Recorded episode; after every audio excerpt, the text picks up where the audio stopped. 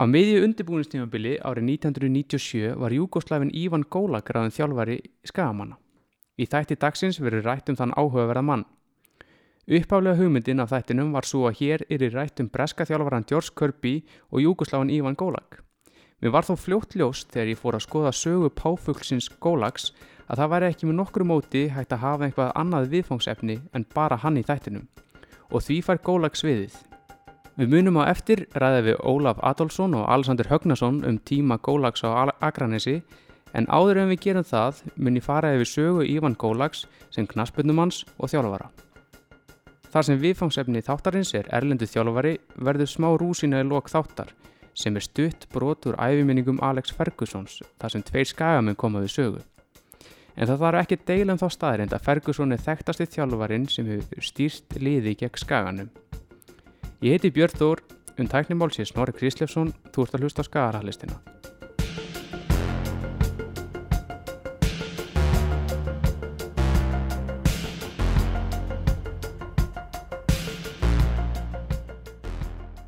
Ívan Gólag fættist í Koprivica í Júgoslavi árið 1950.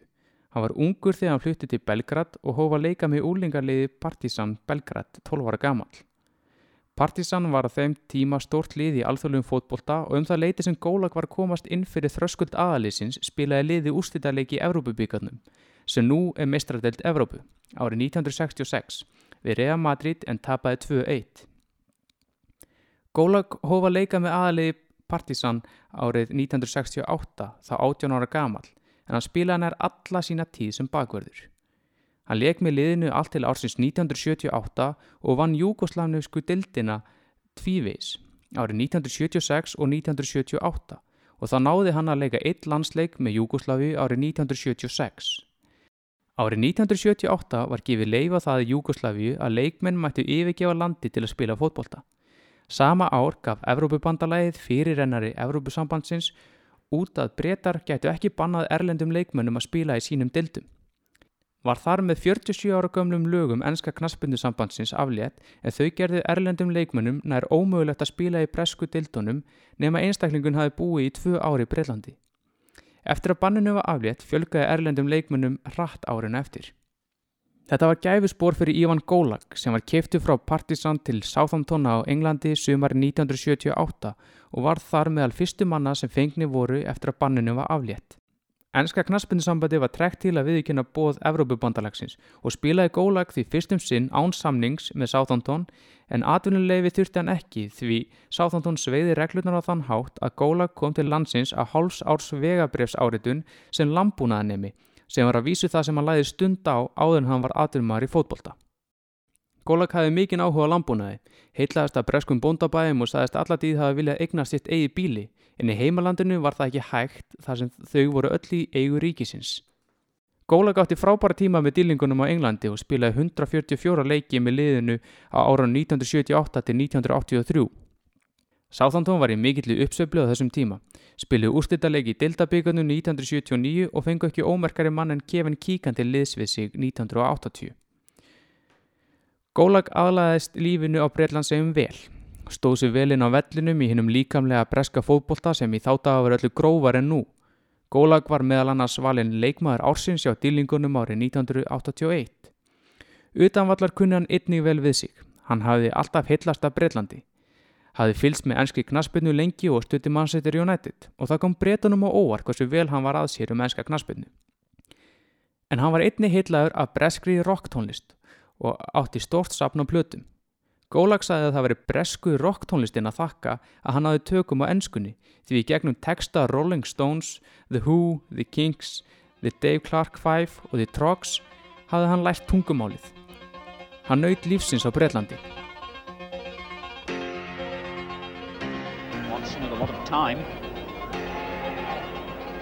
Oh, a lovely ball on by Shannon. Oh, Golak! Magnificent goal by the Yugoslav! The crowd rise for Golak, but credit to... Eftir að hafa verið valin bestur hjá Sáþantón árið 1981 fór að Hallunda fæti á Gólag. Það var sendur á lán til Bormóð og mannsætti sitt í árið 1982 og 1983 og fór svo aftur til Júgoslavi í sömari 1983. Hann sneri svo aftur til Sáþantón í mars 1984 og spilaði með liðinu á lokasprettinum þegar Sáþantón lendi í öðru sæti í ennsku dildinni. Góla glæði skóna á hilluna árið 1986.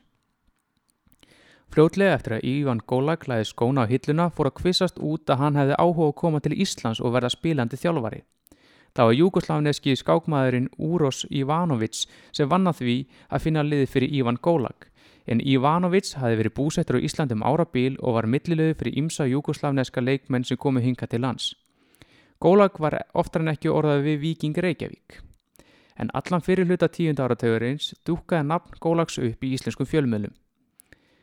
Það vantaði aldrei upp að sjálfströsti á Gólag. Hann elskaði sviðsljósi, sérstaklega sem þjálfari og fjölmjölarnir elskuðu hann. Þegar hann þjálfaði á Skotlandi fekk hann viðunöfni á sig. Headline Gólag eða fyrirsagna Gólag.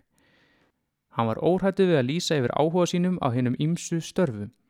Eitt af þessum störfum sem hann sóttist fast eftir að fá var landslýstjálfarastaða Íslands, fyrst árið 1989 og þó svo að Gólag hafi litla reynslu á þjálfun voru yfirlýsingar hans um áhuga á hinnum á þessum störfum kannski ekki algalnar. Gólag var nafn í fókbóltaheiminum og hafði sanna sig á Englandi. Til margsum það hefur nafnans rataðin á lista yfir bestu útlendinga sem spila hafa í ennsku dildinni og það eru örfáðu dagar síðan ofinbér Twitter síðan Sáþandón byrti ammaliðskauðið til Gólags á samt myndbandi af frábæru marki sem að skoraði fyrir liðið. Þá hafði Gólag verið aðstofþjálfari Partizan Belgrad um skamma hríð en liðið hafði unnið júgosláfniska byggjarinn voru 1989. Hann fekk þó ekki stöðu landslýttjálfari Íslands 1989 en Gólag þurfti ekki býða lengi eftir stóra tækifærinu. Það dætti í hendunar á honum. Aðalþjárari Partizan Belgrad viktist og Gólag tók við liðinum haustið. Fyrsti leikur Gólags sem aðalþjálfari var að sjálfsögðu ævintýri líkast eins og annaði hans lífi. Hann fór fram á Celtic Park fyrir fram að 45.000 áhöröndur í Evrópukeppni byggarhafa. Partizan hafi unnið fyrirleikin 2-1. Staðan eftir 80 mínútur á Celtic Park var 5-3 fyrir Celtic. Dramatíkin í lokin var mikil þar sem Partizan þurftu aðeins eitt mark til að komast áfram á útivallamörkum. Spasic Durovski and it's in! It's in! Shepkovic Shepkovic has scored right at the end little more than a minute remaining It is unbelievable Og auðvitað tókst gólag það Hann stýrði Partisan út keppnistífumbilið áður en hann var rekin. Hann hætti þó ekki að reyna við landslýstöðu Íslendinga meðan hann þjálfaði Partisan. Fekk fund með LRB skram en stöðuna fekk hann ekki. Það gekk ítlaðu gólag að finna sér nýtt lið en hann evaðist aldrei. Hann reyndi við starf Celtic árið 1991 og let hafa það eftir sér í vittali að hann var í slíku síguvegari að hann geti gert Celtic að þeim bestu í Evrópu. Enn var gengið fram hjá Gólag og Liam Brady fekk starfið. Gólag þurfti að gera sér það á góðu að þjálfa þriðildaldalið Torquay United á Englandi. Já, Torquay hitti Gólag fyrir Justin Fasanu en þeir hafðu spilað saman með Sáþondon árið 1982. Fasanu var allt og góðu til að spila með Torquay en Fasanu hafði á þessum tíma nýverið komið ofinbila út úr skápnum og var þar með fyrsti ofinbili hommin í aðumannan fókbalta. En sorgleg staðreind og það er var samkynniðin honum að falli í fótbóltanum og möguleikar hans urðu sára fáir. Bróður hans Stjón Fasanú var þekktur knaspinnumæður hjá Wimbledon á þessum tíma og afneita hann bróðu sínum eftir að hann kom út úr skapnum. Gólag var oft líst sem afslipu um hippa. Hugsunaháttur hans var annar en bresku þjálfarna sem vildu ekkert að Fasanú vita Og á meðan gödublöðin svo því sönn letu Fasanu ekki fríði og óla á nexlan almennings og fókbólta áhuga manna í gard Fasanu með sögursögnum að kynlífi hans við popstjórnu, þingmenn og leikara sem að mestu voru byggðar á sandi stóð gólag með Fasanu og gerða hana aðstofamanni sínum. Dvöl gólag hjá Torki var þó stutt og hann var rekin sama ára og hann var ráðinn. Fasanu misti þá einni stöðu aðstofaþjálfara. Þegar þjálfarinn sem tók við að Gólag var einni reiki nokkru mánuðu síðar sótti Fasonu um stöðuna en fekk hann ekki.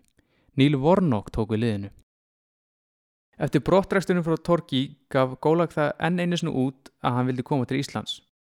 Ekkert starf fekk hann hér á landi en þá kom mörgum á óvart að Dundee United úrvastildalið í Skotlandi reyði Gólag árið 1993 og tók hann við stjórnataumunum að Jim McLean sem þjálfaði liði í 22 ár.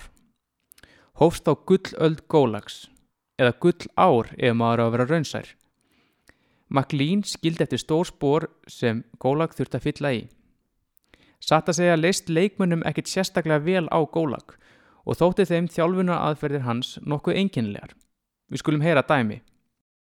Dave Bowman, miðumar döndi um gólag. Ívan virtist ofta tíðum koma frá annari plánetu. Hann var svo ólíkur Jim McLee. Ég þurfti einhvern eins og Jim sem held mér ætið á tánum. Hann náði því besta út úr mér. Ívan var algjör andstaða. Hann leiði leikmörunum og komast upp með allt og mikið og orðið frídagur kemur fyrst upp í kollin þegar ég hugsa tilbaka. Á æfingunum vorum við að æfa aukarspinnur og það fór þannig fram að Ívan tók þær allar sjálfur. Ég er bestur, sagði hann og held áfram að skrúa spinnunar inn þar til hún var ítt til hliðar svo liði geta eftir einhvað. Hann tók okkur líka stundum í gunguferðar á vorin og saði okkur öllum að þefa á blómunum. Þá heldum við að hann var í endanlega gengin á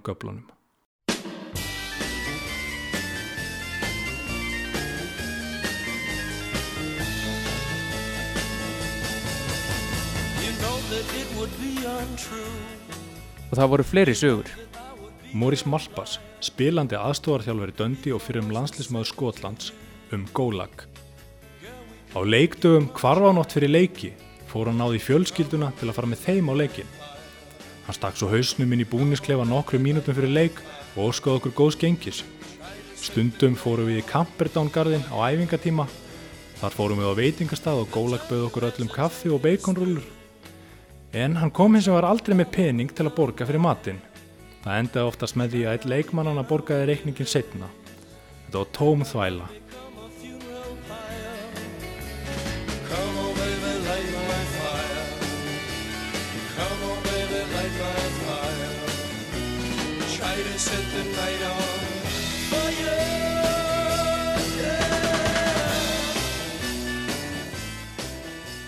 En þrátt verið að Gólag hafi komið mönnum spánst fyrir sjónir og ekki allir hafi haft trú á honum, þá fór það svo að á fyrsta tímabili Gólag með Dundee hóst mikið byggaræfindir hjá liðinu. Liðið komst alla leið í úslitaleg gegn stórlegi Rangers. Þar vann Dundee 1-0 sigur og var skoskur byggarmeistar í fyrsta sinn. Þetta þótti magnað afreg og lifir nafn Gólags góðu lífi í Skotlandi enn þann dag í dag vegna þess. Jim McLean sem var nú orðin formaði félagsins og Gólag átti ekki skap saman og því fór svo að eftir mjög leilegt tímabil 1994-1995 var Gólag rekin um það bil ári eftir afreiki frækna. Við tók nokkur byggð fyrir Gólag eftir næsta þjálfarastarfi. Hann satt þó ekki auðum höndum því árið 1996 kefti hann súkulega framlegslu í Belgrad sem samkvæmt mínum heimildum framlendi súkulega sem kallaðist Magic Line. Gólag hefði þó ekki gefist upp á þjálfun og árið 1997 tók við nýtt ævintýri á Gólag. Júgoslavin Ívan Gólag, hetja Sáþondón skoskur byggamestari, var mættur á jæðaspakka á Akranesi og ætlaði sér stóra hluti. Framundan voru skrautlegi mánuði fyrir bæjabúa.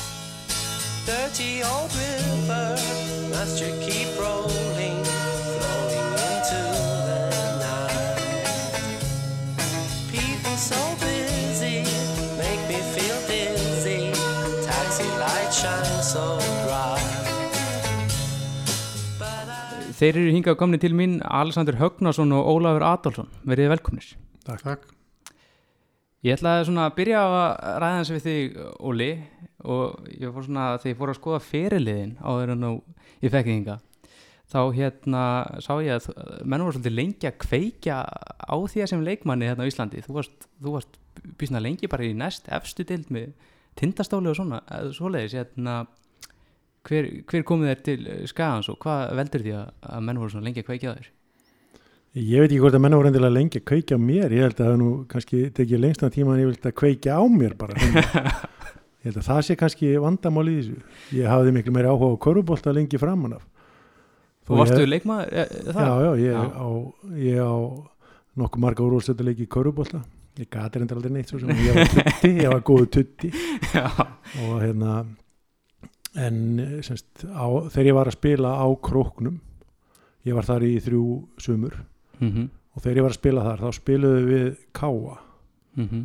og Guðjón Þorlófsson var að þjálfa Káa á þeim tíma það var árið sem þeir voru Íslandmeistrar og þá glimti ég við Elling Kristjánsson sem að kannski mannst eftir úr handbóltan og var líka lengi á KF fótbóltan og ég hafði betur en hann í öllum okkar innvíum og ég held að það verið það sem kveikti í Guðjónu Þóraðsson og sá að það var kannski eitthvað þannig til að sækja.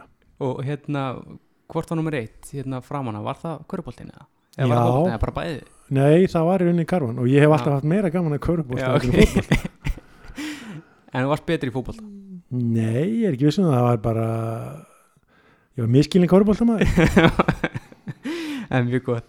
En þið voru hérna báðir leikja leikmenn í þessu gullaldali tíunda áraþjóðarinn sem hérna er frækt og eh, alveg það, það var helviti fýtt félagskapurinn sem þú varst með á miðjunu þessum árum. Hvernig var að vera með Sigga Jóns og Ólaf Þórðar og, spila með þeim hann á miðjunni? Leið manna ekki bara ágætlega? Jú, jú, það var mjög gott að spila með báðum þessum leikmannum og hérna Steini heitin Gísla var náttúrulega eitthvað með mér svona þegar voru að líða á setni árin af þessu gullalda tímabili sem að oft er með rætt sko. Og hérna það var náttúrulega bara maður þurfti náttúrulega bara að mæta til leiks og svo sá, sáu bara Óla og Siggi um hitt sko. Þvælast aðeins fyrir sko eins og Óli segir sko. Já, var, þú, þú lítur á hlutverkið sem það að hafa bara þvælt fyrir leikmennum hann fyrir Óla og, og Sigga? Já, maður svona segir það allavega við þá. Já.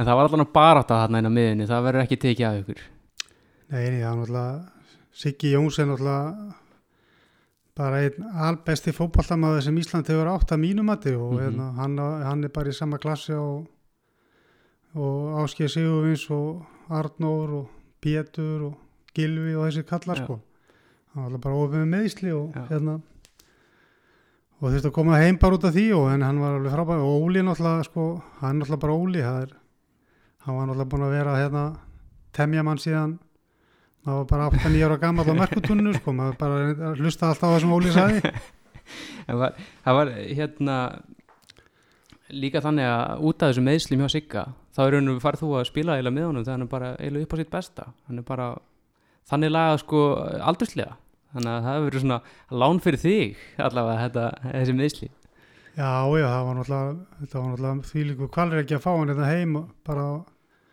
ég man ekki hvað hann hefur verið gammal kannski 25 ára eitthvað sko. mm -hmm. og, og hann var náttúrulega lengi í gang hann var náttúrulega fyrsta ári var hann ekkert sesta tjá honum 92 og, en hann náttúrulega springur ekkert út aftur fyrir bara 93 Mm -hmm. og náttúrulega hefði, hefði átt að fara miklu fyrir aftur út í aðunum sko, heldur hann gerði sko. Já. En e, þetta gullallalið á tíunda áratögnum þið voru alveg hérna, óstöðandi e, hvernig upplöðið þið þetta? Hóruð þið bara á þetta að þið væri bara lið sem væri bara ekki hægt að vinna? ég sé þú horfir á mig, ætlar, ætlar að mér að svara þessu? Ég ætla að láta þið svara þessu, já. Já, ég held að þú hefur hitt naglan svolítið á höfu það, hérna, það var óbyrlandi trú í liðinu. Mm -hmm. og við vorum í mjög góðu líkamlegu formi. Ég leið mér að segja allir. Mhm.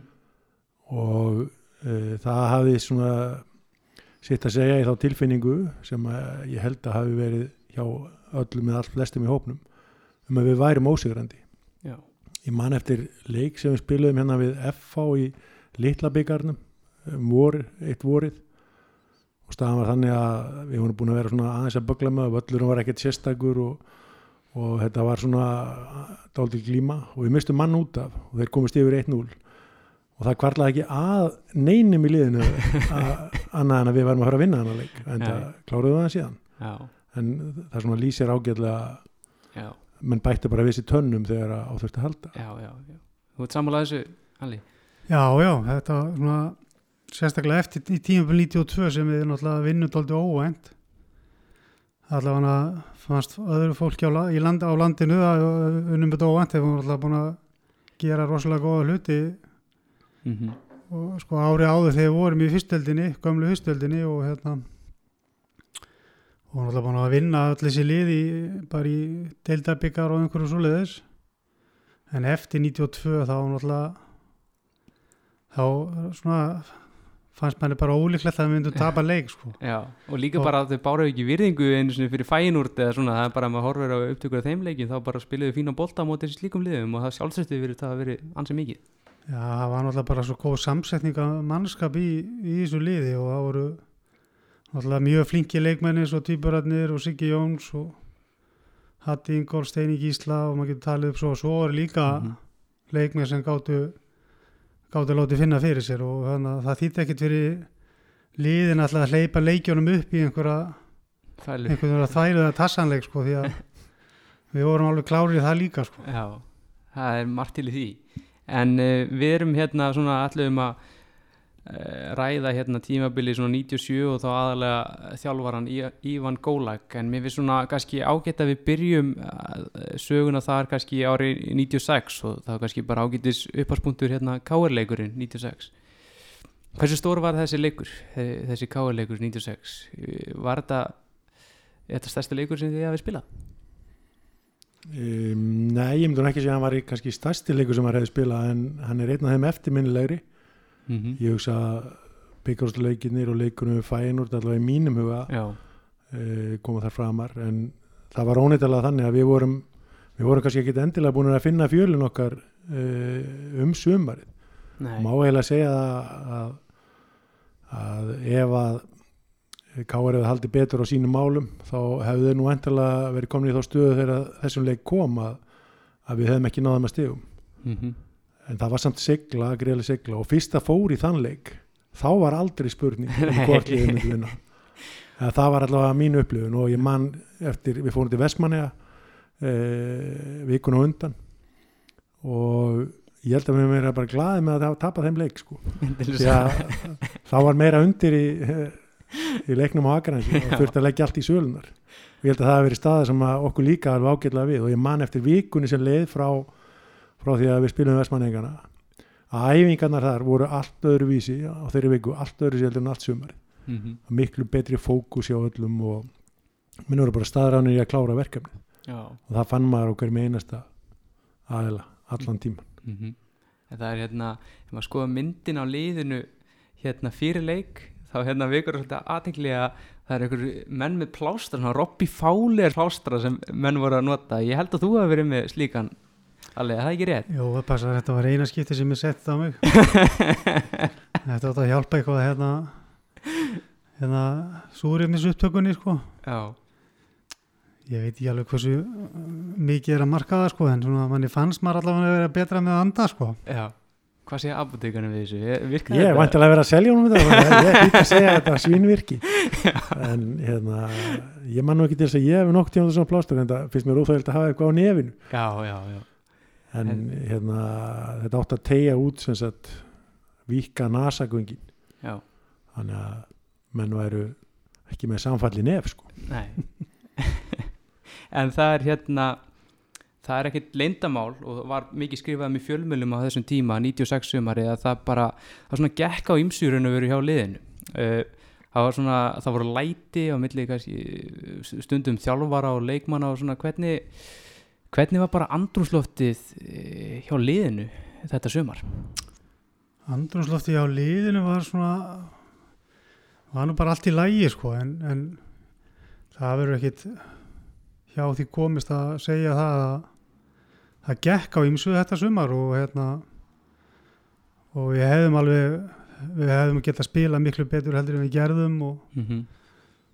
og æfingarnar svona gengu hafa- gengu aldrei eins ítla eins og þetta sumar Nei, og, og, og það verður að segjast bara alveg eins og er að, að, að þjálfarinn það var ekki alveg í standið þetta sumar og hérna, það var aðal ástæðan fyrir því sko. En, en, en að við skildum geta komið okkur í þessa stöðu að vera í síðasta leiki að spila til úslita um mótið það vildi ég nú, vil ég nú bara skrifa á samheldi leikmanna sko. mm og og hvernig var svona st- stemmingi bara svona almennt á þessum gullald árum? Var það bara þetta ár sem var kannski aðeins svona súrt, var þetta almennt góð stemming?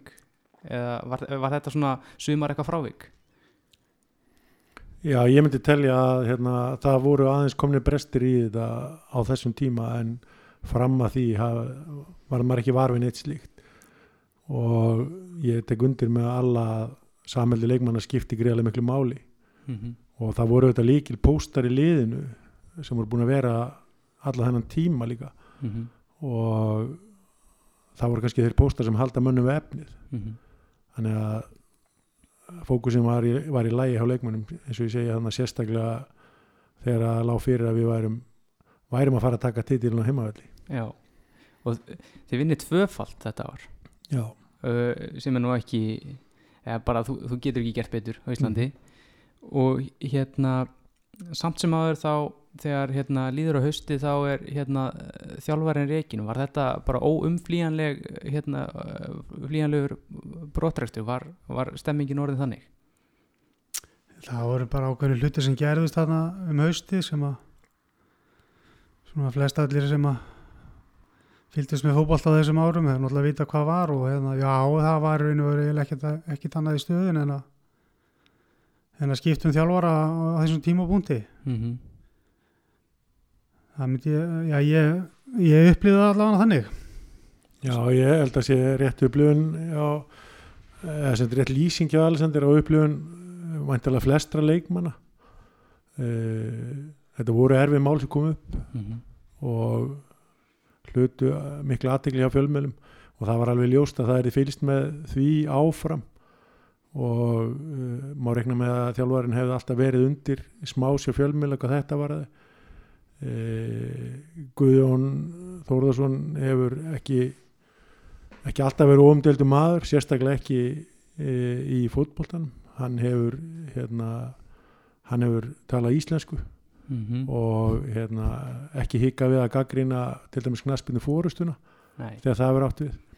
Þannig að uh, hann átti svo sem marga óvinni að maður morða þannig í fótboltan mm og uh, þannig að ég held að þessi ákvörðin hafi í rauninni verið óumflýjanleg þegar, þegar maður horfir á þetta svona í baksinspegl Mhm. En hvernig horfðu þið til dæmis bara eh, áður en við fyrir að tala kannski um 97 og svona, þið horfðu bara á það vendarlega að, að þessi gullöld væri að fara að halda áfram eða byggustu við kannski að það væri kannski stutt í kannski í lokin eða, eða hérna, þessi fara að ljúka ég ég allavega sko svona, ef ég svara bara frá eins og ég upplýði þetta þá þá hefðu við alveg átt að geta unnið þetta allavega tvö orð í viðbútt mm -hmm. ef að hérna, rétt hefði verið haldið á spilunum sko. sem, Komið að, kjarni sem að- að reyndar, reyndar gerðist ekki en, en hérna, líði var alveg nógu gott til þess að vinna titilinn 97 Mhm. mannskapurinn var alveg nógu góður. Mhm. En eh, eins og ég er búin að segja að þá var hérna Gauji rekin þarna og hann er rekin sent í raun og veru, hann er ekki rekin beint eftir tímambil, hann er rekin þarna einhvern tímann í desember.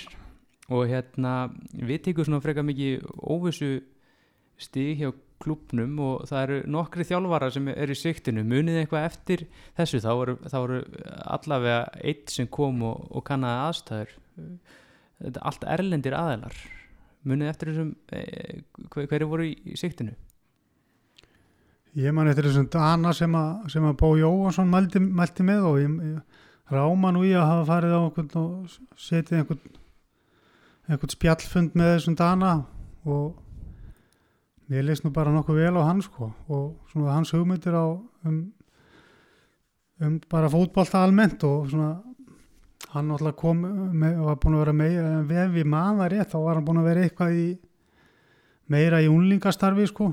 Mm og hann svona hann sá náttúrulega bara jáka hluti að hvað unlingastarfi hérna hefði skilað mikið á góðum leikmönnum og hann ætlaði svona að byggja á því og en hérna það er svo eini sem ég man eftir en það náttúrulega hluti ekki Nei, breyta gengi Mást þú eitthvað frekar eftir þessum svona eh, viðræðum og, og þess áttar við þessa menn? Nei, mér finnst nú líklegt að ég hafi svona ég allavega verið andlega fjárverandi í, Mhm. í, í þeirri umræð e, ég man hins vegar eftir að það voru miklar vangaveltur ég sammálaði með það að e, hérna, það var aldrei mikið limbo í kringum það þegar að þjálfarinn var látin fara þá leið á langu tími þangur til að koma ykkur festa á hlutina Mm -hmm.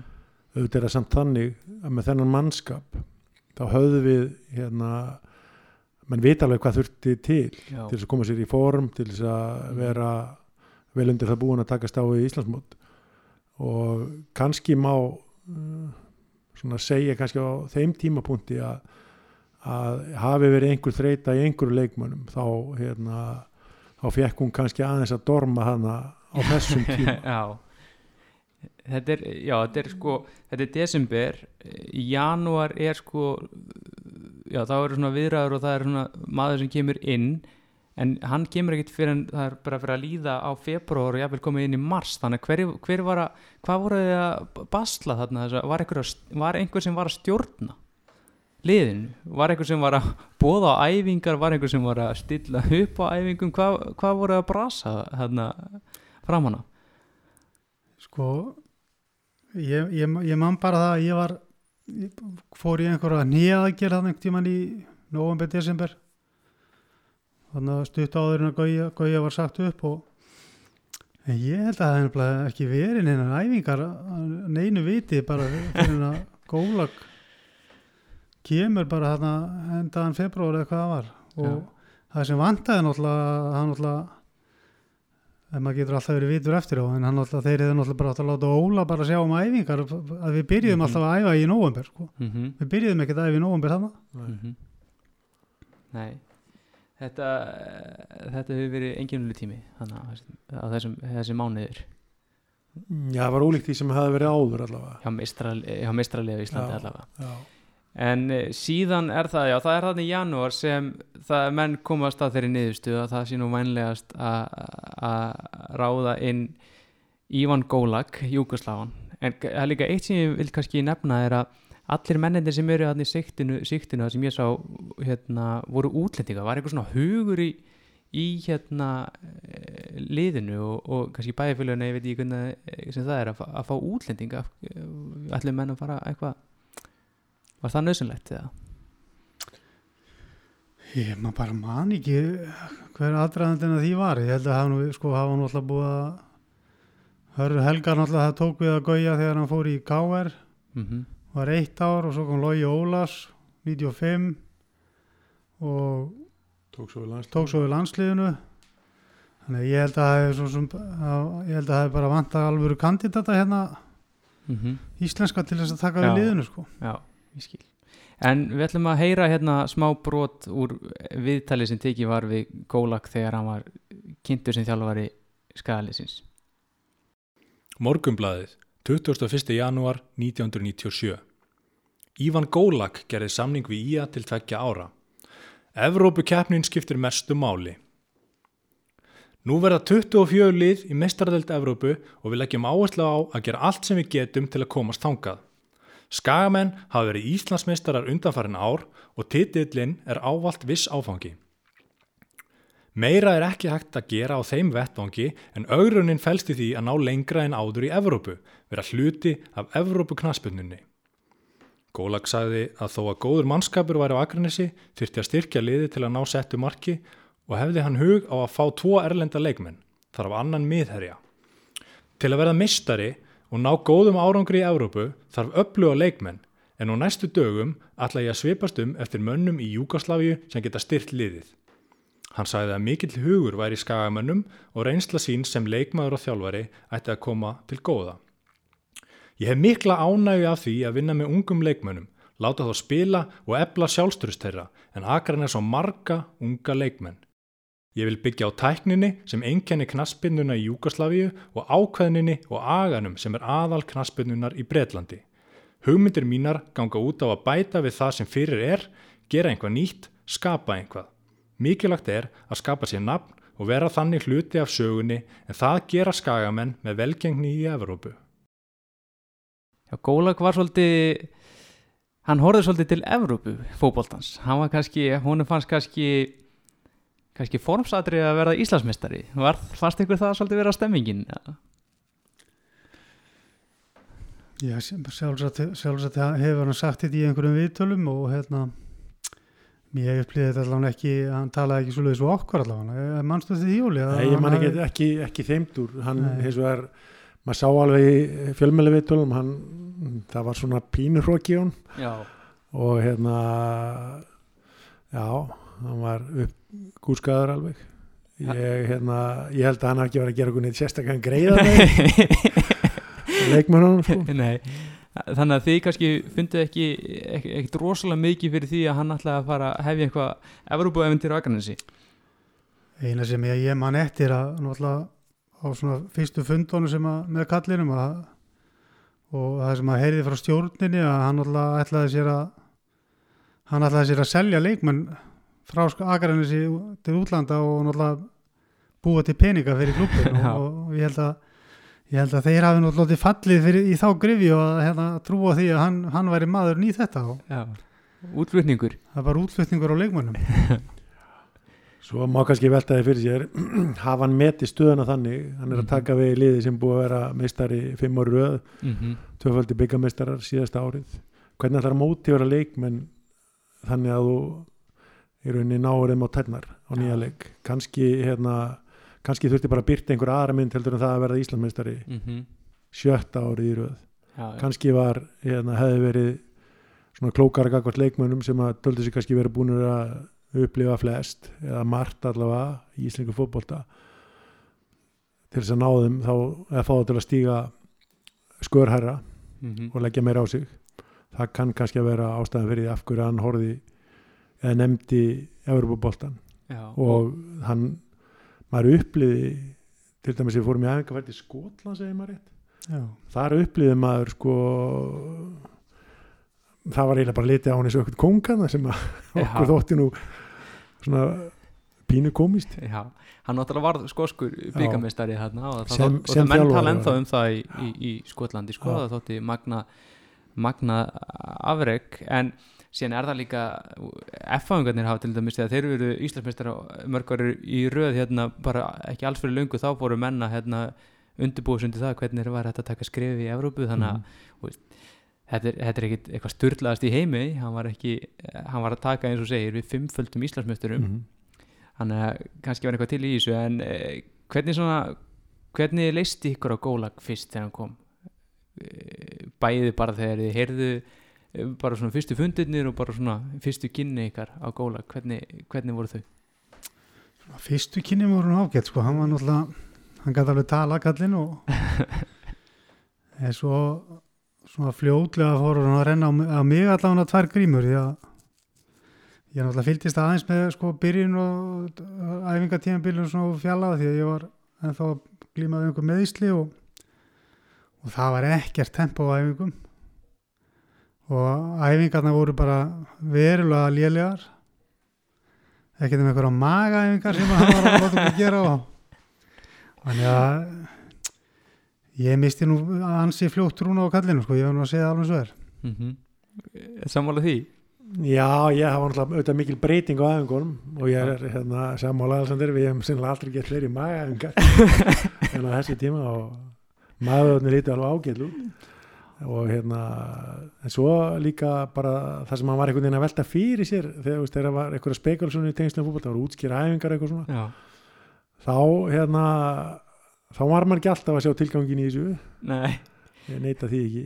Var það eitthvað svona enginlega ræfingar eða? Já og hérna þú veist hérna svo, ég man alltaf eftir því að hann rátt okkur hlaupa hringin kring okkur völlin af því að nú hafði maður frekar kynst í að tali það að vera svona, til afreika fallið að við værum kannski meira að Mm -hmm. vera í boltaæfingum samlega því að værum að hérna, þjálfa þrek og menn væri þá Já. að vinna með bolta Mhm.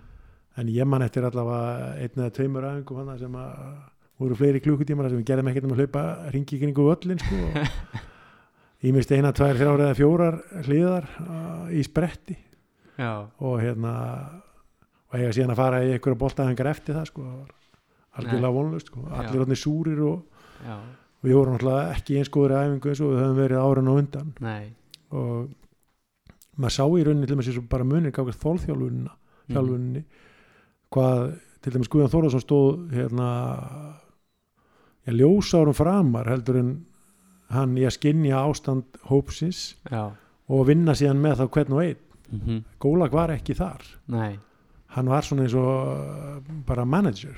Já, já, það já. fínt fyrir hann að hafa bara þrekkþjálfara og, og þjálfara já, með sér. Já, þannig að þetta var, það er náttúrulega örgulega verið krefjandi undirbúrstífum byrja á gauja eða ekki, þannig að þetta var svona einhver viðbreyði að fara inn í, í bara magaæfingar og, og slíkt Gauji er náttúrulega bara hann er náttúrulega bara frumkvöld í að náttúrulega við byrjuðum að æfa bara þegar hann kom þetta 92 sko, eða 91 Mhm. Þá byrjuðum við að æfa miklu fyrir heldur en það hefum við gert vanalega og, og, og kallið var bara mjög flottur þarna fyrsta árin sko og hérna setti þetta bara upp á allt annað plan sko. Já, en síðan er líka, hann hafði enga trú á liftingaæfingu, hérna, ég er með svona smá kvótur hérna, það var búið að frétta svona að því að þessar æfingar voru skrýtnar og, Mm. og það var hérna í leikskráni þá sagði hann, ég verið spurðið að því bæði hér og í Skotlandi af hverju láti leikmenn ekki stundar liftingar eru við liftingamenn? Nei, við erum fótboltamenn og það er allt annað mál fótboltin krefst fyrst og fremst ú- úthalds, ekki krafta síðan bætast við þættir eins og knattmeðferð og yfirsýn. Ég var á mínu ferli þekktu fyrir að vera grjótharður nagli í bakvarastöðinni en ég stundaði aldrei eina liftingar. Hann var ekki mikið í, í þessu hérna liftingum og slíku, hann eh, vildi bara láta ykkur hlaupa. Já, sko, kannski leta okkur ekki eins og hlaupa nóg sko. Nei. það var hérna það vantaði að mínum mati svona kannski þetta plattform þar sé að hann gerði sig grein fyrir í hvað stöðuhópurum væri Mm og svo hvert hann ætlaði með hann í Já. forminu. Og það er ekki gert á einni æfingu. Nei, það mér fannst aðeins vant upp á það hjá hann já, en hérna við hérna við fórum í æfingaferð til Serbíu líka. Já, fórum hérna til Serna Góra ef maður rétt og það ræðu nú reyndar á okkur um túnbleðli bara sko. Já, en við spilum við alls konar lið. Já, og það voru það voru æfintirlega leikir. Og, en þá sá maður henni hvernig liðin undibúa sér til þessu leiki. Það var þar voru menn ekkit að hérna, eins og við að hlaupa og gera einhverja æfingar einhverju, þetta snýrist meira mennu það að menn voru um, í einhverju stöðu að gera mullersæfingar bara já, og hérna og þar sér maður líka að Júkoslavarnir leggja meiri áherslu á, á kviðsvæði já, já, já. heldur en við höfum gert til dæmis þanga til allavega Já, en hérna þekki því einhvað til þess að hann var hann, uh, menn hafa talað um það það sem hann var annar staðar að hann hefði verið að fara með menn í einhverja ferðir á æfingar, eða þegar voru æfingar kannski út að lappa eða eitthvað svoleiðis, var hann eitthvað í því á skaganum? ég man nú ekki eftir því að, Nei. Að það færið nýrna göngutúra með Hann kallinu voru ekkert að þefa neinum blómum eins og Nei. menn þekktu annar staðar. Nei, ég, ég man ekki eftir því.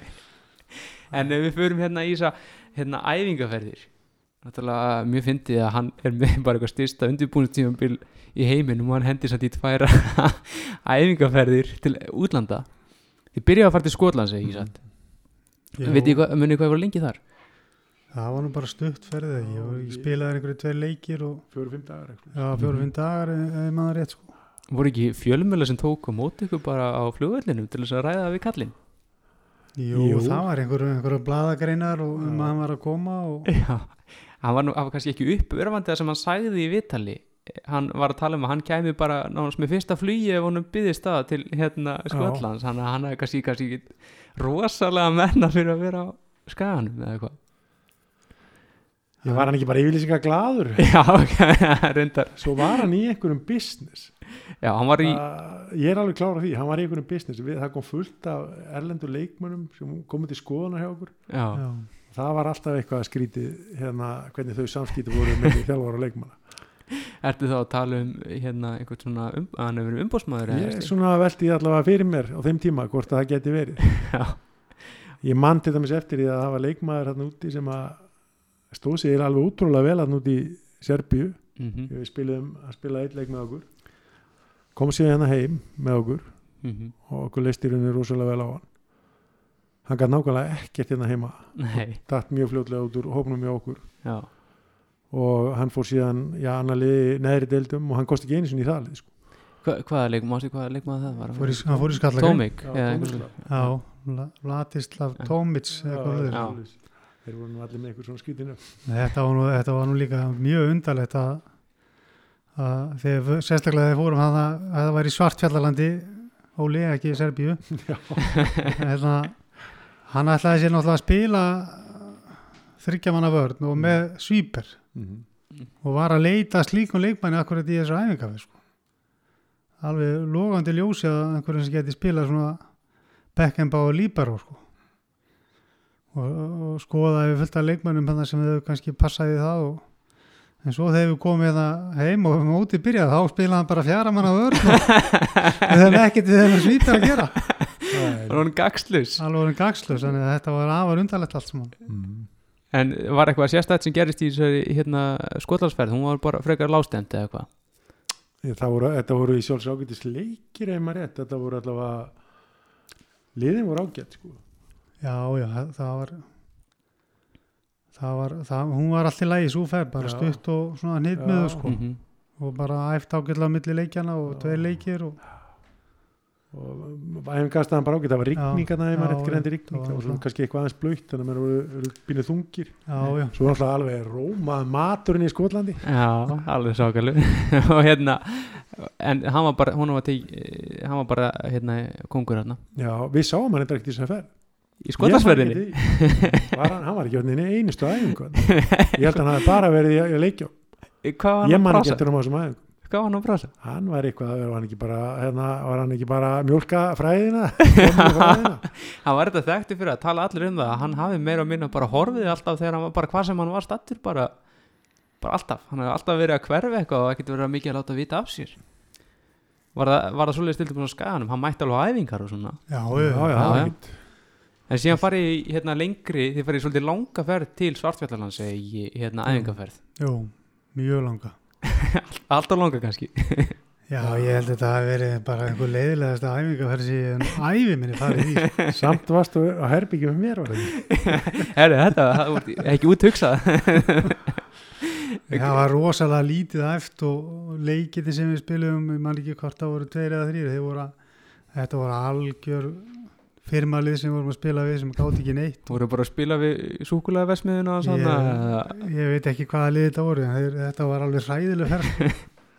ég man að það vættir að einn af þessu leikin var bara slagsmáluleikur það var hérna það, þá runni lág við meðslum bara hjá aðlum þannig að voru voru aðla sem hafði ekkit eða voru ekkert að spila fótbolta sjálfs Nei, þetta var, eh, þeir ekki kláraði hvort þetta voru bara fótballtalið sem voru að spila móti Jú, þetta voru bara einhver, einhver ég veit ekki hvaða deild, deildir þessi lið voru, en þeir voru bara léleg. Já. En voru, voru að fínu hóteli og þess áttar og var, Já, það, var hann, hann alveg eh, passaði það já, við vorum ágætis hótel þarna og hérna, þetta var þessi bær var margt mjög fallegur en Já. vallarastar sem vorum að æfa hann á hliðin á sumuröld Já. Títus Já, og Já.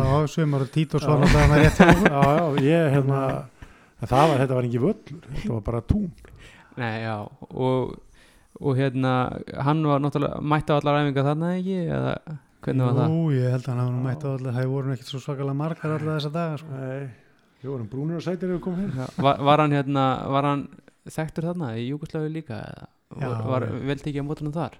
Já, já. Hann var alveg, hann var alltaf, hann var alltaf verið að fara í einhverja veislur og svona kallinn, mót okkur.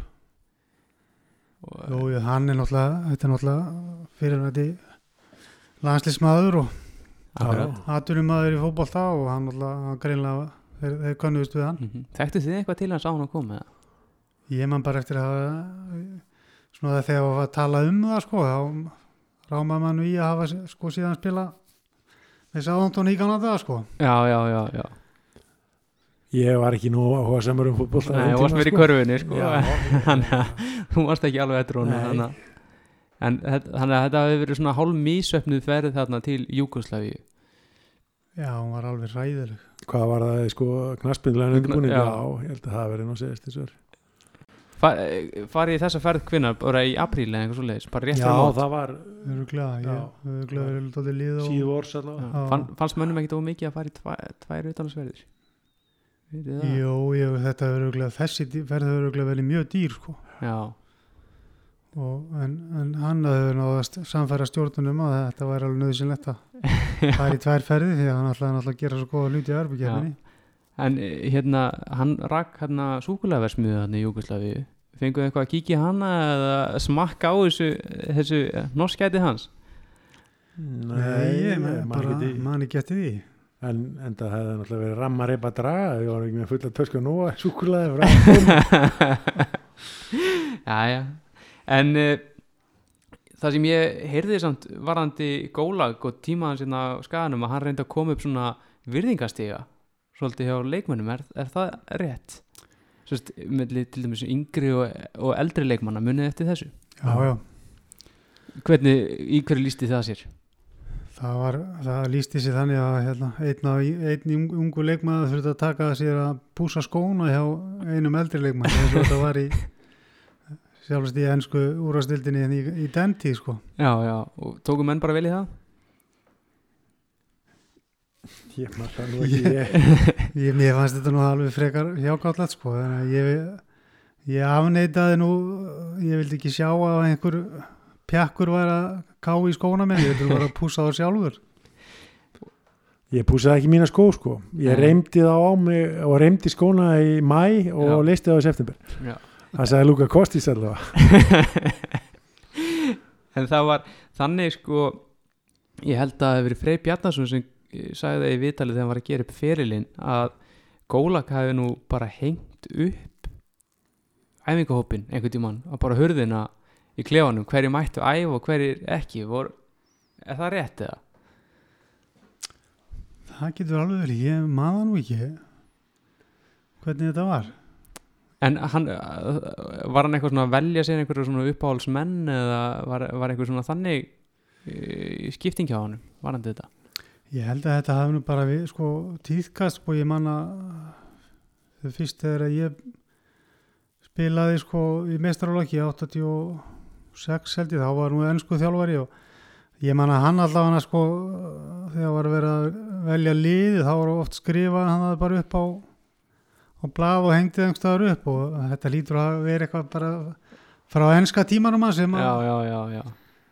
Þannig að, en munið eitthvað eftir í hvort þannig að það hefur verið eitthvað svona að gera upp á milli manna eða eitthvað þannig? Nei, Nei. var ekki hundlið eða alltaf?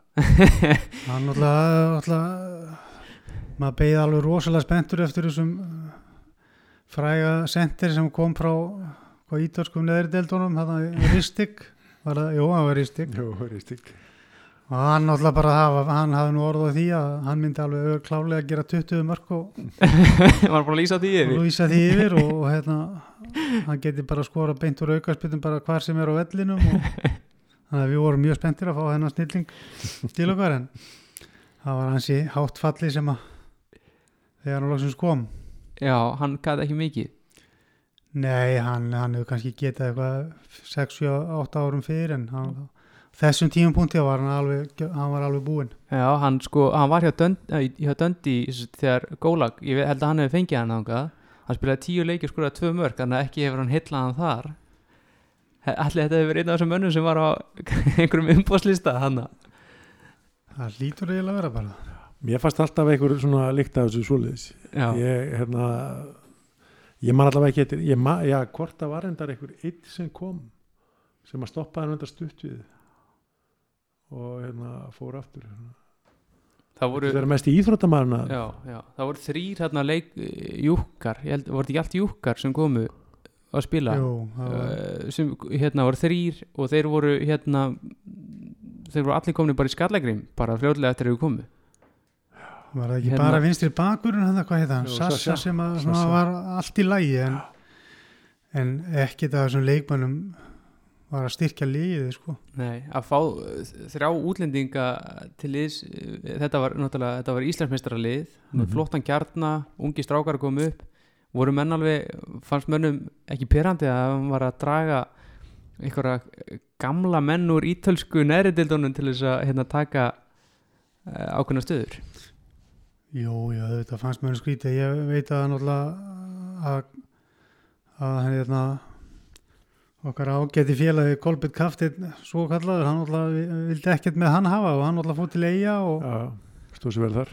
og stóð sér vel þar og, og en, ég skildi aldrei þá pólitíka, Nei. vil ekki halda kallinum hérna mm -hmm. í hafsendunum. Nei, Soran Milkovic. já Já, hann let hann fara Já. og það var á hans ákvörðun Það var hans ákvörðun aðferð. En eh, hvernig var svona stemmingin fyrir tímabili þegar hérna, höfðu, höfðu þið trú á því að þið varu kannski að fara, fara að vera Íslandsmeistarar enn eitt árið þegar hérna var komið inn í mæ? Nei, ég held að náttúrulega eins og undirbúinustímabilið hafi verið og formið á leikmennum var bara ekki nógu gott mm -hmm. vantaði bara grunn þól í liðið og, og, og, og tímabilið þarna þessir voruleikir hafði ekkert gengið neitt svakalega vel og þannig að svona, þetta var eiginlega Það var ekki sama hugafar og undanfærin ár hu- eða? hugafærið var alltaf gott sko, við vorum bara ekki í formi nei og ég ætla þá hérna, við ætlum að heyra smá brota úr hérna viðtali þegar eftir að þið spiliði fyrsta leikinu við IPVAF Dagblæði vísir, mánudagurinn 20. mæ 1997. Meistararnir steinláu í fyrsta leik. Vinnum hina 17 leikina, sagði Ívan Gólak, þjálfari Ía, eftir skell í eigum. Við fengum á okkur mjög klaufaleg mörg. Ég var ekki hissa á framistöðu IPVAF. Þetta er gott lið. Við eigum eftir að fínpúsa leika okkar betur með nýju mönnum. Ég er sannfæður um að við vinnum alla 17 leikina sem eftir eru, sagði Ívan Gólak, þjálfari skagamanna við DFF eftir skellin í sínum fyrsta deildarleik með home.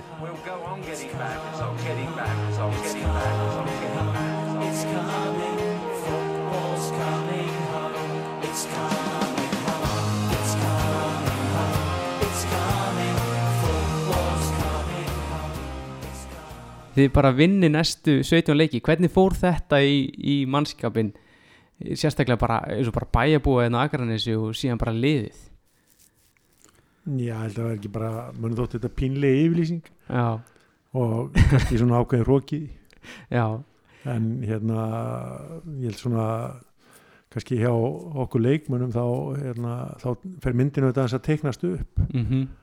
Og hérna hafa menn verið í einhverjum blekkingum með formið á, á hópnum þá, þá opinberast það þannig í fyrstu leikjum. Já, það er mitt skrifaði með í fjölmjölum að það hefði bara verið gengið yfir ykkur í setniháleik voruð þið bara í engu standi eða engu standi, já. voruð þið ekki í standi í þetta Við vorum þá? ólíki sjálfum okkur hvað þetta var Já. á þessum tíma Mhm. það er engi spurning Er þú sammála með þetta þetta fór ka- kannski hérna eh, misjaflega ofan í í menn þetta, þetta komment þetta er svona, og hann var kallaður sko, headline eh, gólag þetta var algjör fyrirsök sem hann gaf þarna og það var þetta slá þessu upp við vinnum bara næstu 17 Já, já, þetta var náttúrulega bara þetta var bara hlægilegt það er eiginlega ekkert annað en það að segja að hérna, láta svona út úr sér sko. Mm hann, hann hefur bara eh, eins og hann kannski svona íæði að í upphafi ástæðum koma að hann hérna taldi kannski ákveði formsadri að þetta lið sem hefur unnið svona oft Íslandsmeistatitilin að þeir kannski bara myndi gera það aftur hann mikill að vandra Já, já, hann það, þetta er náttúrulega bara mér finnst þetta svona það, þegar maður rifjar þetta svona upp sko að menn fara að tala svona sne- hann fyrir að tala svona snemmum að fara að gera einhverja hluti í Európu og mér finnst þetta að vera nákvæmlega gerast það sama hjá Val í dag eins og Já. gerist hjá okkur þarna Já, það skynjaði það við talið við leikmanni vals núna í vetur að, að þetta var bara fámsættir að vera Íslandsmeistara þeir ætluðu sér bara nýri íðlaketmin í meistaradildi já, já, já. Ein, einbytta sér að því og það, svona náttúrulega bull er náttúrulega það er ekki marka á þessu takandi sko. Nei, nei, nei En það er eitt leikur sem ég vil líka minnast á við ykkur þetta sumar. Og það er byggaleikur, það var á þessum tíma þá var svona U23 ára lið sem voru hérna hjá félagslegunum sem hérna spiluðu leiki og í að lenda móti sínu U23 ára liði. Munið eftir þessum leik? Já, ég, ég man að ég var annarkot meittur eða í leikbanni og, horfði á þennan leik í stúkunni og það var afar áhugavert sko. Já, þetta var svona ákveðið svona gólag moment sem hann átti sér stað þarna í miðjum leik ég held að skæði sér þrjún og lifir og þá sko skipt hann hendur í þrefalda skiptingu setur Jóhannes Gíslason Ellert Jón og Hjálmdór hérna inn á í eldra lið og þeir voru rétt held ég, hvort þeir voru orðni 15 ára sko. Já, ég, ég, hvernig endaði þessi leiku? Þrjú tvö? eða? Eitthvað svoleiðis. Það var- mikið fjör í þessu ah, Þetta var ekta gólag bara Já, menn, menn geta varla hafa verið sáttir með þetta eh, eftir leika að hérna, hann hafi gert þetta við eldra liðið gert þeim óleik í raun og veru Nei, nei, ég held að stemningin var hann alltaf súr hann á þessum tímapunkti. Er, ég man nú ekki hvenur á árinu þetta er. Þetta er nú örgulega stutt eftir þetta og náttúrulega er hann sagt upp eða ekki? Ég man það ekki. Hvern, hvernig var svona stemmingi bara helt hann, var hann með klefan með sér í liði til dæmis þegar bara svona eftir tölum bara tvo þrjá leiki hérna inn í tímabili var, var hann með einhverju á sínu bandi eða?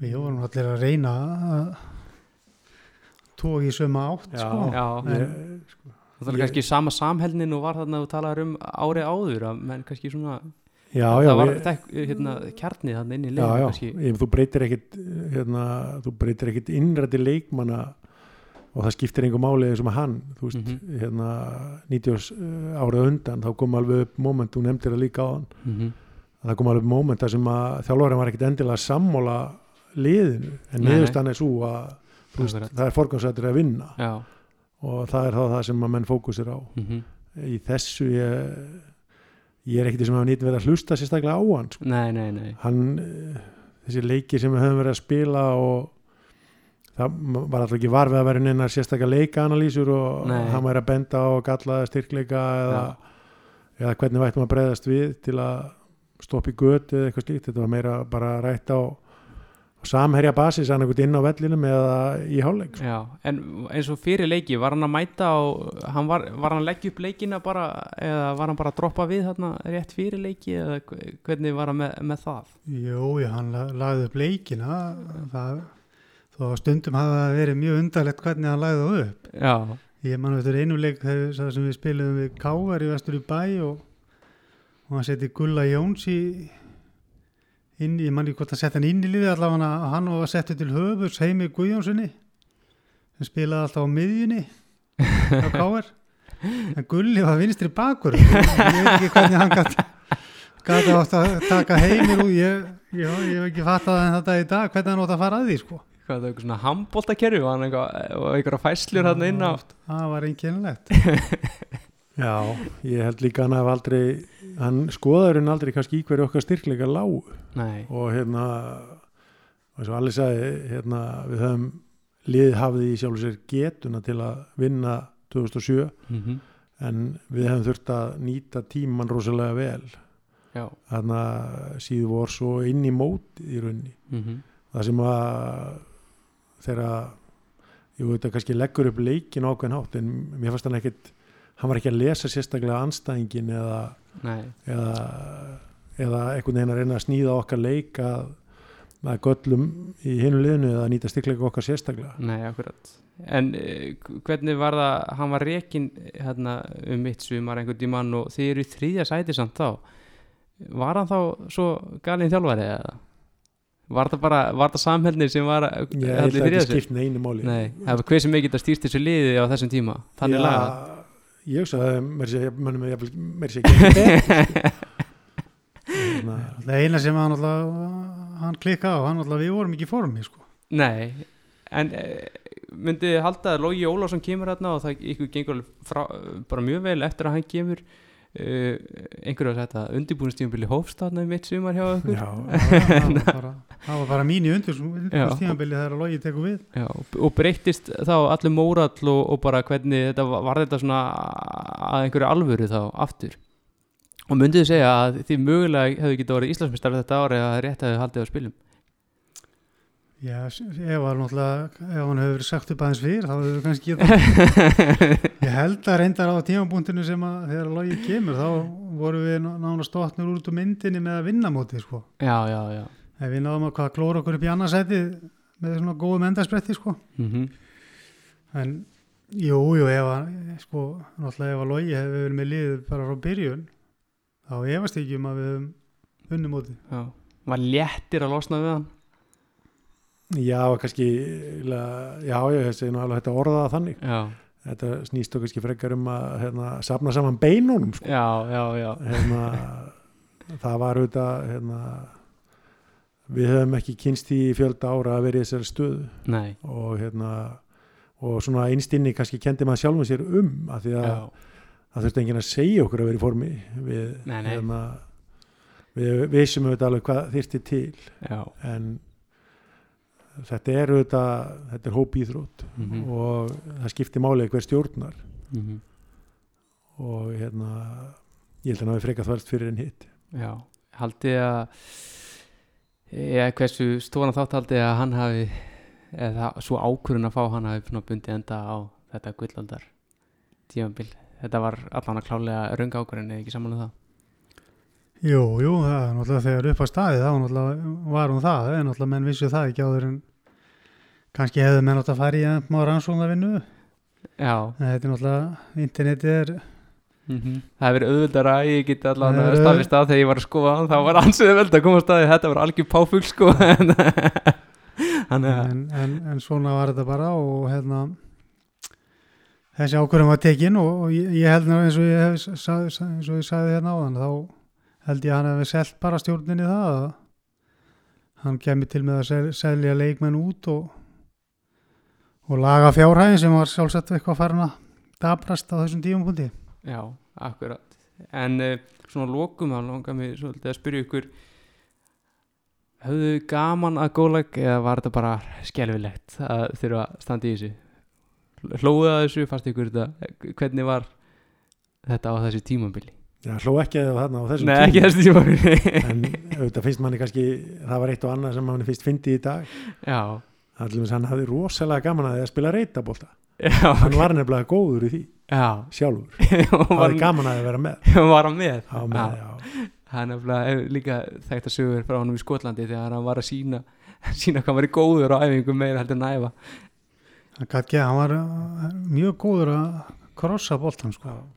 hann hefur greinlega verið góður í því þegar hann var leikmaður og En ég var rosalega fegin þegar hún var, sagt svo ég fannst þetta þetta er eitthvað tímabil.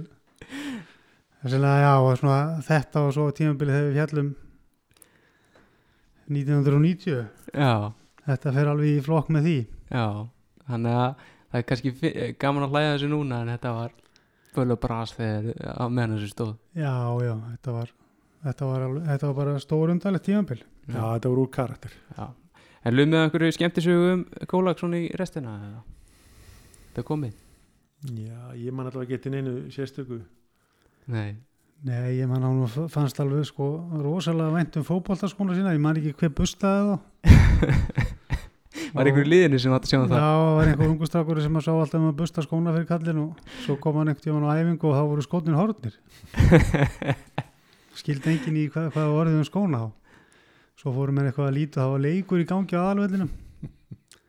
Þá eitt dómarinn sem að kom og, og hérna, frekar seint til leiks og, og hafði glemt skónum og fór í skóna hans skóla og það voru ekki skemmtilega hverju sem hann fekk. Hljópa hann inn á eða? Nei, ég held að hann hefði nú fengið að kenna á því þegar hann kom upp eftir leikurum var búinn. Já, þetta eru allan að veri aldrei karatir hann Kólag Við getum við sammála um það þótt að menn kannski hafa sín, hann er umdildur Hann er umdeldur, já. kynlegur kvist. Kynlegu kvistur. En eh, ég held að við höfum þetta ekki lengra. Ég bara þakka ykkur kærlega fyrir komuna. Takk. Svona þessu.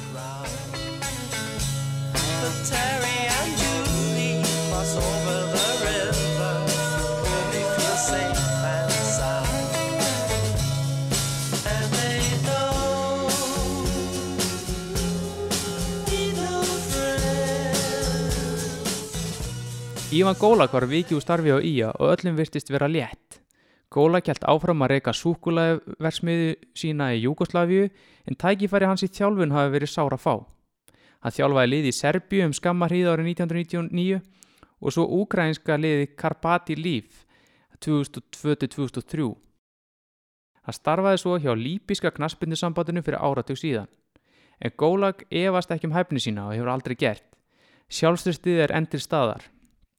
Þegar Celtic var í leita þjálfar árið 2010 taldi Gólag sig verið rétta mannin í starfið. Við BBC sagði hann Ég laus eins og er. Þetta er þið frábært og ég veit að ég er hæfur. Ég myndi gera mikið fyrir Celtic og koma þeim á þann stað sem þeir eiga heima á. Meðal þeirra bestu í heimi. Já, það vantar ekki fyrirsagnina hjá Gólag. En eins og ég tók fram í ingangi þáttarins, þá ætlum við að enda á skemmtisugur æfisugu Alex Ferguson sem kom út árið 1999. Þegar hann hafði nýlokið því að landa þrennunni markfrægu. Skæin mætti Aberdeen bæði árið 1983 og 1985 í Evrópukefninni og var Ferguson þjálfari liðsins á þeim tíma. Þó svo að Gólags í áhugaverðasti þjálfari Skagans, þá er Ferguson sá áhugaverðasti sem hefur stýrt liði gegn skaganum, þó á ólíkan hátt. Kanski er ég smáborgarlegur en mér þykir bísna aðteglisvert að þegar Ferguson rifjaði ferilinn eftir þrennuna fræknu hafði hann ekki glemt bakarannum á skaganum, Gunnari Sigursinni og hvað þá Sigurði Jónsinni. Við endum þetta á sögu frá Alex Ferguson þegar hann rifjar upp ferðalag til Íslands með skoska landsliðinu árið 1985 en hann var í þá dagi þjálfarateimi liðsins en Jock Stein var aðalþjálfari. Vert er að taka fram að stíli sem framkemur í sögunni var nuttari skoska landsliðsins. Ég þakka fyrir hlustununa, þulu þáttarins var Kristján Gauti Karlsson og sérstakar þakkir fá Heiðar Mar, Heiðrún Hámundadóttir og Gunnlaugur Jónsson. Úr bókinni Managing My Life, æfisaga Alex Ferguson. Minningin er ljóslifandi frá því við sátum á veitingastanum á efstu hæð Hotel Sögu klukkan þrjú. Það var björt sumarnótt og við drukkum vinglas. Skáluðum fyrir sjálfum okkur á þessum dýrar degi og hugsaðum um hver ljúft lífið væri. Ég tel að hlutskipti fótbaltamannsins sé frábært en á meðan þú nýtur velgengni þarftu samt að vera undirbúin fyrir niðursveifluna. Við þurftum aðeins að býða í þrjá daga eftir þeirri sveiflu. Ísland malaði okkur inn á vellinum en okkur tókst samt sem áður að stela sigri með marki frá Jim Bett fjórum mínútum fyrir leikslokk. Það var skemmtilegt þar sem Jim leik eitt sinn á Íslandi og konan hans er íslensk. Jim Leighton varði vítaspinnu og það var ljótt atvik á fyrstu mínútu leiksins þegar Graham Súnes fór í grófa tæklingu á bláæða drengnum anstæðingi okkar, Sigga Jónssoni. Hefði brotið komið setna í leiknum hefði spjaldið verið raukt en ekki gullt. Fljótlega eftir þessa fólskuluga ára á Súnes sá ég út undan mér Íslending sem var allt annað en sátur. Þetta var formaður knaspunnifélags Ía sem ég þekkti frá því ég stýrði Aberdeen gegn liði hans í Evrópikeppninni. Hann gekk ógnandi að Jock Stein. Það var enga síður stíli sem áarpaði hann af fyrrabræði. Hann var 72 ára og muniði því um það byrð 30 árum á þeim. En það kom ekki vekk fyrir að hann vildi láta nefn að tala. Stíli róaðist þó snögglega þegar Stein hreyti í hann Sestu niður, gamli sögður,